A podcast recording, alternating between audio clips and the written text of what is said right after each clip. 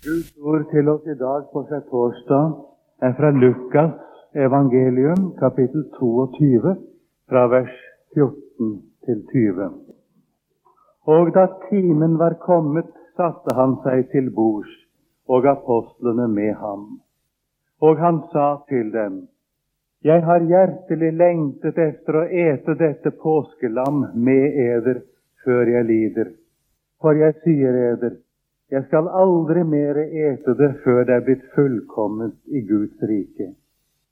Og han tok en kalk, takket og sa, Ta dette og del det mellom eder. For jeg sier eder, fra nu av skal jeg aldri mer drikke av vintreets frukt før Guds rike er kommet. Og han tok et brød, takket og brøt det ga sine disipler og sa:" Dette er mitt legeme som gis for eder. Gjør dette til minne om meg. Likeså også kalken etter at de hadde ett, og sa:" Denne kalk er den nye pakt i mitt blod, som utgytes for eder. Amen. Det som fremfor alt slår oss i møte ut fra dette Guds ord, om denne siste kvelden Jesus er sammen med sine disipler, er den kjærlighet som han har til dem. Det begynner med å si da timen var kommet, altså da nå stunden var inne da disse ting skulle skje. Det minner oss om at dette uttrykk også er brukt hos evangelisten Johannes om den samme kvelden. Riktignok skildrer Johannes noe annet som skjer denne kvelden, men det er den samme situasjon det er tatt ut ifra. Det leser vi om i begynnelsen av det 13. kapittelet i Johannes evangeliet. Men før påskehøytiden, da Jesus visste at hans time var kommet, da han skulle gå bort fra denne verden til Faderen, Like som han hadde elsket sine egne som var i verden, så elsket han dem inntil enden. Der kommer det så klart til uttrykk. Han hadde elsket sine egne, og han fortsatte å elske dem. Han elsket dem inntil enden. Det samme møter vi her. Jesus setter seg til bords, apostlene sammen med ham, og så tar Jesus til orde og sier jeg har hjertelig lengtet etter å ete dette påskelam med eder før jeg lider. Når vi tenker på hvordan disiplene er i seg selv, og kanskje hvordan det nettopp kommer til uttrykk denne kvelden at de er alt annet enn syndfri, da blir dette et stort ord. Jeg vet ikke hvordan det er med deg, er du plaget av det ofte at du synes du er så uverdig? Du har vanskelig for å tro syndenes forlatelse. Du har vanskelig for å tro at du skal nå målet, at du skal komme til saligheten i det fullkomne Guds rike. Fordi det er så mange svikt, så mange brist hos deg. Jeg må i hvert fall si om meg selv at den vanskeligheten kjenner jeg meget vel til. Og jeg viker ikke tilbake for å si at det er slett ikke lett å tro på Jesus. Og det å tro på Jesus, det er en rent personlig sak. Det er ikke en intellektuell sak. Her dreier det seg ikke om en forsantholden eller holde fast på noe man vet bare, men her dreier det seg nettopp om et rent personlig forhold til Jesus. Og du vet det er det med alle personlige forhold. De må stadig fornyes. Det er i grunnen intet som er selvsagt. Og det er aldri noe som går av seg selv i et personlig forhold. Man kan vel si at et personlig forhold det kan være et organisk forhold, men det kan ikke være et automatisk forhold. Det kan det aldri være. Og det er et forhold som alltid må fornyes.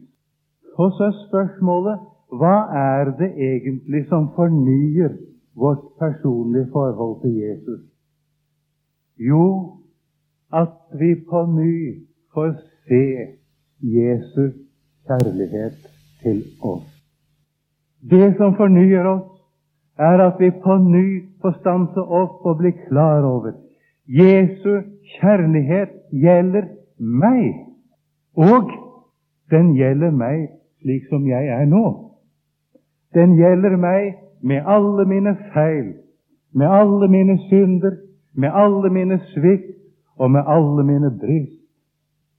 Jeg kan få lov å vite og ta imot en kjærlighet som Han har til meg, og som ikke er avhengig av meg, men av Ham alene.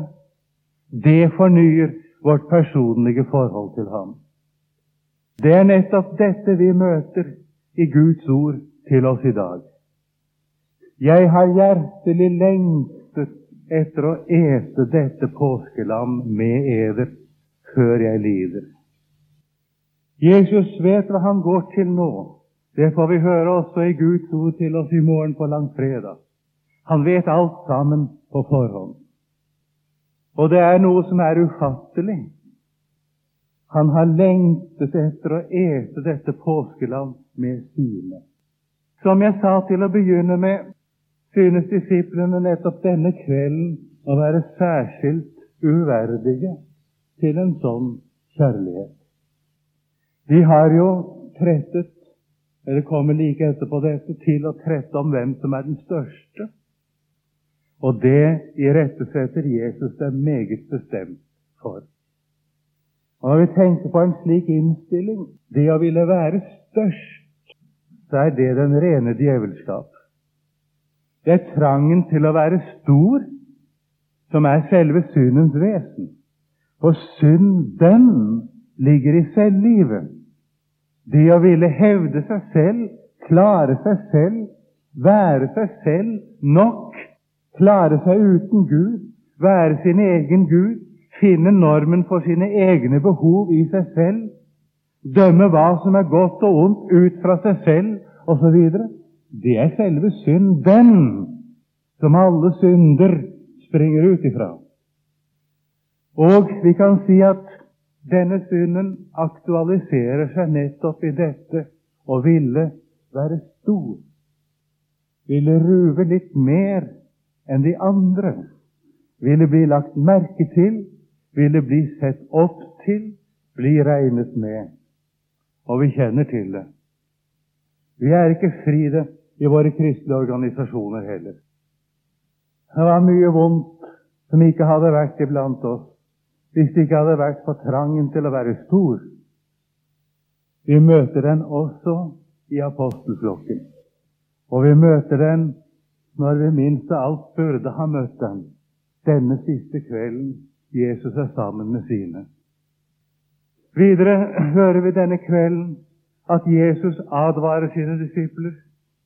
Han forutsier at de kommer til å svikte ham i det mest kritiske øyeblikk. Det skjer også. Og han forutsier at den som er lederen i flokken, tre ganger skal komme til å fornekte ham. Det er ikke noe lyst bilde av disiplene. Det er ikke noen storartede mennesker. Og det viser hvor troverdig og hvor tvers igjennom sannferdig Bibelen er. Den legger ikke skjul på dette. Det er nettopp denne usvikelige sannferdighet som gjør dette så stort for oss i dag. For saken er at slik som disiplene var, slik er vi. Og så er spørsmålet kunne de være gjenstand for, Gud, for Jesu kjærlighet. Og det er nettopp det ordet sier på så mange måter. De er nettopp gjenstand for Jesu kjærlighet. Så skal du vite, så er du også gjenstand for Jesu kjærlighet. Så får jeg også være gjenstand for Jesu kjærlighet. Det er det store budskapet til oss i dag.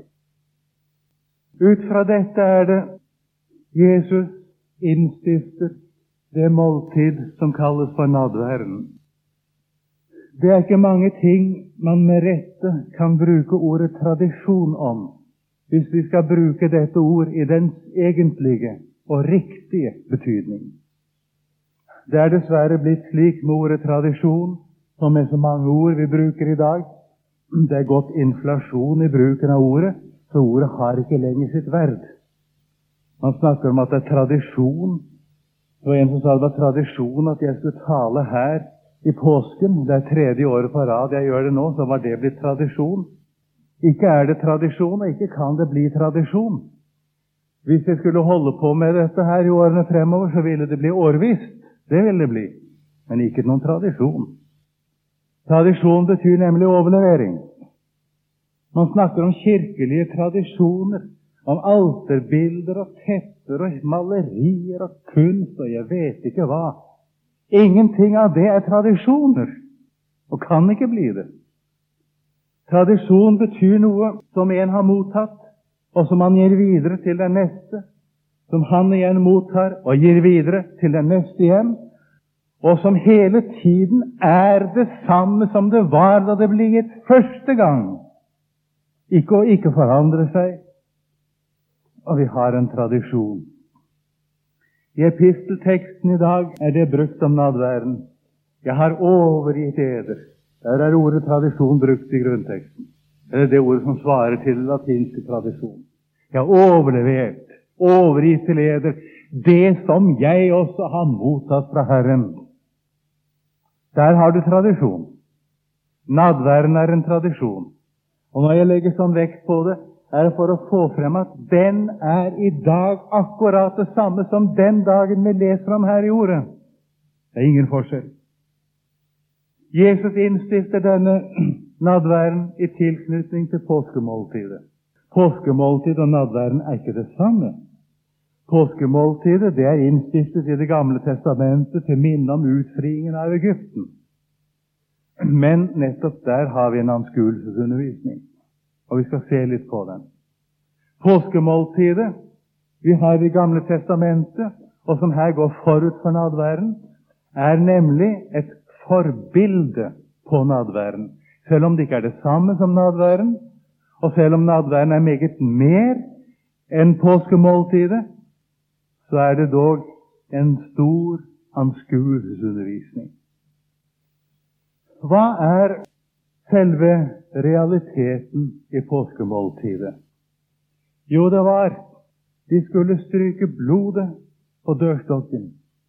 Og så ble det sagt 'Jeg vil se blodet og gå eder forbi'. Det er det til minne om. Vi skal feire påske for å minnes det. Jeg vil se blodet og gå eder forbi. Det er budskapet i påskemåltidet. Det lyder også til oss i dag. Jeg vil se blodet og gå eder forbi. I tilknytning til dette er det Jesus innstifter nadværen. Først sier han at han skal ikke mer ete sammen med sine disipler før Guds rike er kommet. Da skal altså vi få sitte til bords med ham igjen, vi som kommer i det fullkomne Guds rike. Men Jesus skal ikke ete, heller ikke drikke av vintreets frukt, før Guds rike er kommet. Men han innstifter et måltid i tilknytning til dette. Og der sier han Først tar han et brød, takket, brødet. Så ga han sine disipler og sa, 'Dette er mitt legeme, som gis for eder'. Likeså tok han også kalken etter at de hadde et, og sier, 'Denne kalk er den nye pakt i mitt blod, som utgytes for eder'. Det ble sagt om legemet, det gis for eder. Om blodet, det utgytes for eder. På Golgata kors ble Jesu legeme gitt hen for oss. Der fløt Jesu blod, og det betyr en soning for våre synder. Jeg vil se blodet og gå eder forbi.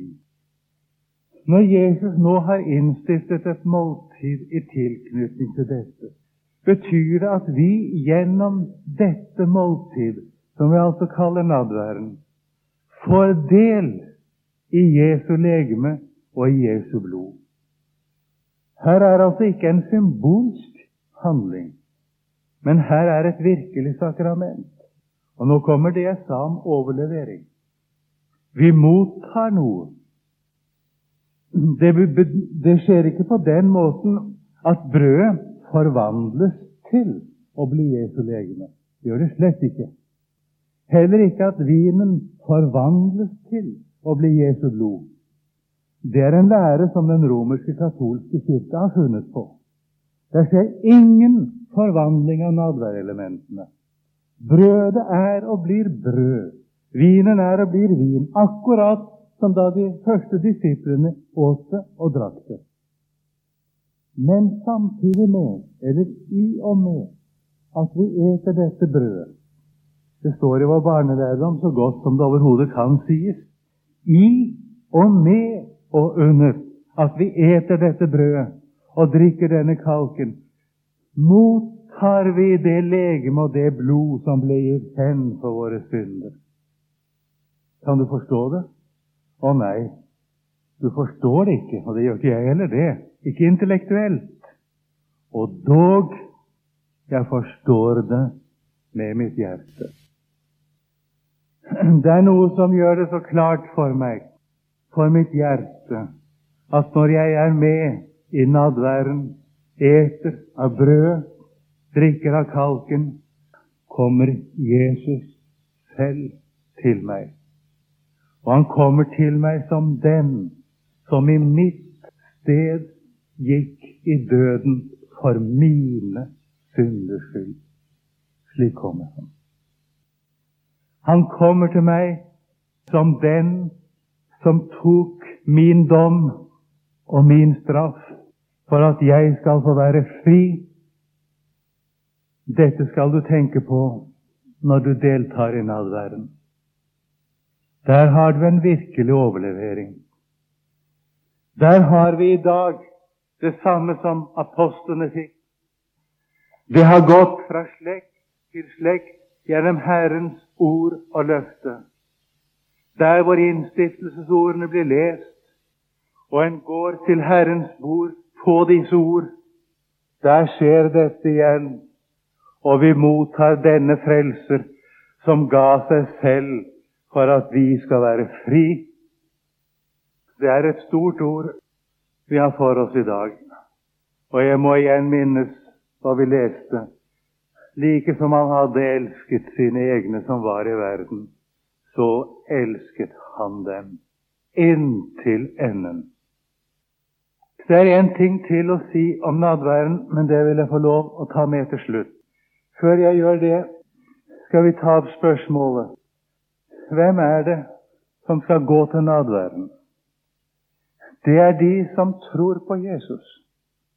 Vi kan ikke innby mennesker til nadværen uten på det vilkår at de kommer fordi de tror på Jesus som sin frelser. Når jeg sier 'fordi de tror på Jesus', så sier jeg ikke at de skal komme fordi de er fornøyd med sin tro, eller fordi de synes de får det til å tro. Å nei. Men jeg sier det fordi vi skal komme til nadværen på grunn av dette personlige forhold til Jesus, at han er blitt oss uunnværlig og umistelig fordi vi trenger en frelser for våre synder. Derfor kommer vi.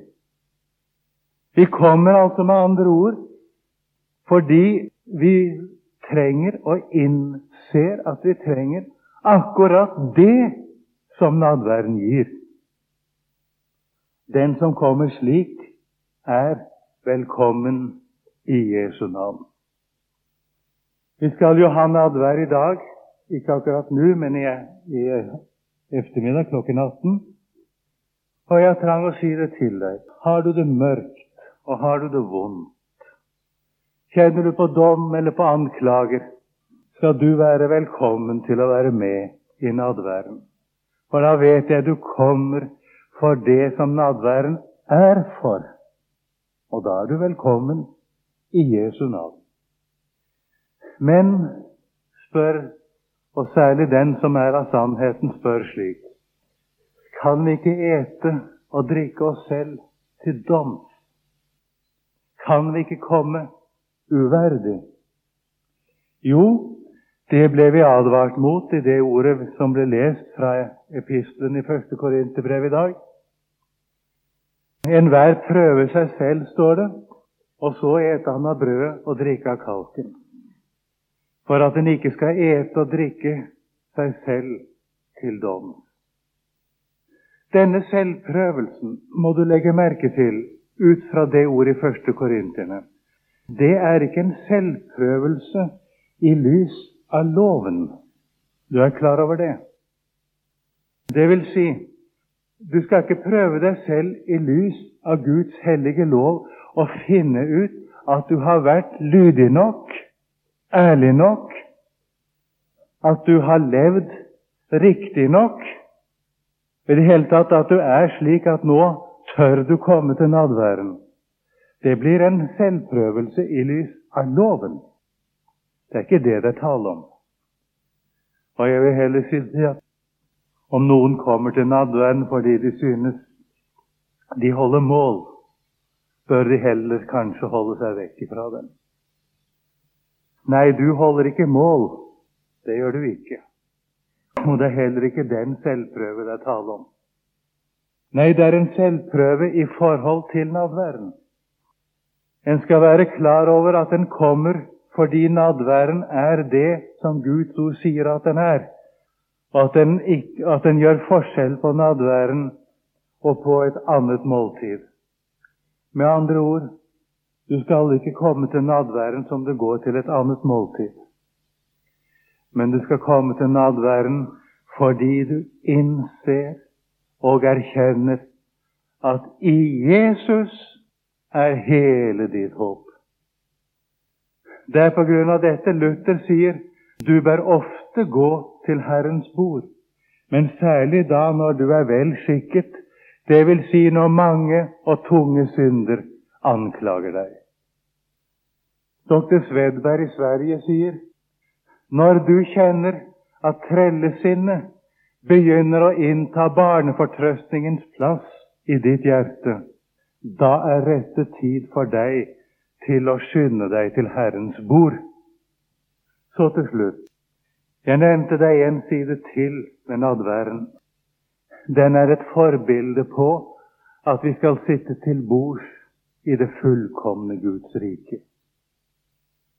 Nadværen har et siktepunkt på det fullkomne, det man kaller en eschatologisk betydning. Vi tenker kanskje ikke så ofte på det, men det skal minne oss om og det skal også forberede oss for at en dag skal vi få lov å sitte til bords med Abraham og Isak og Jakob i det fullkomne Guds rike. Og der, i dette fullkomne Guds rike, havner vi for Jesu Kristi skyld alene. Amen.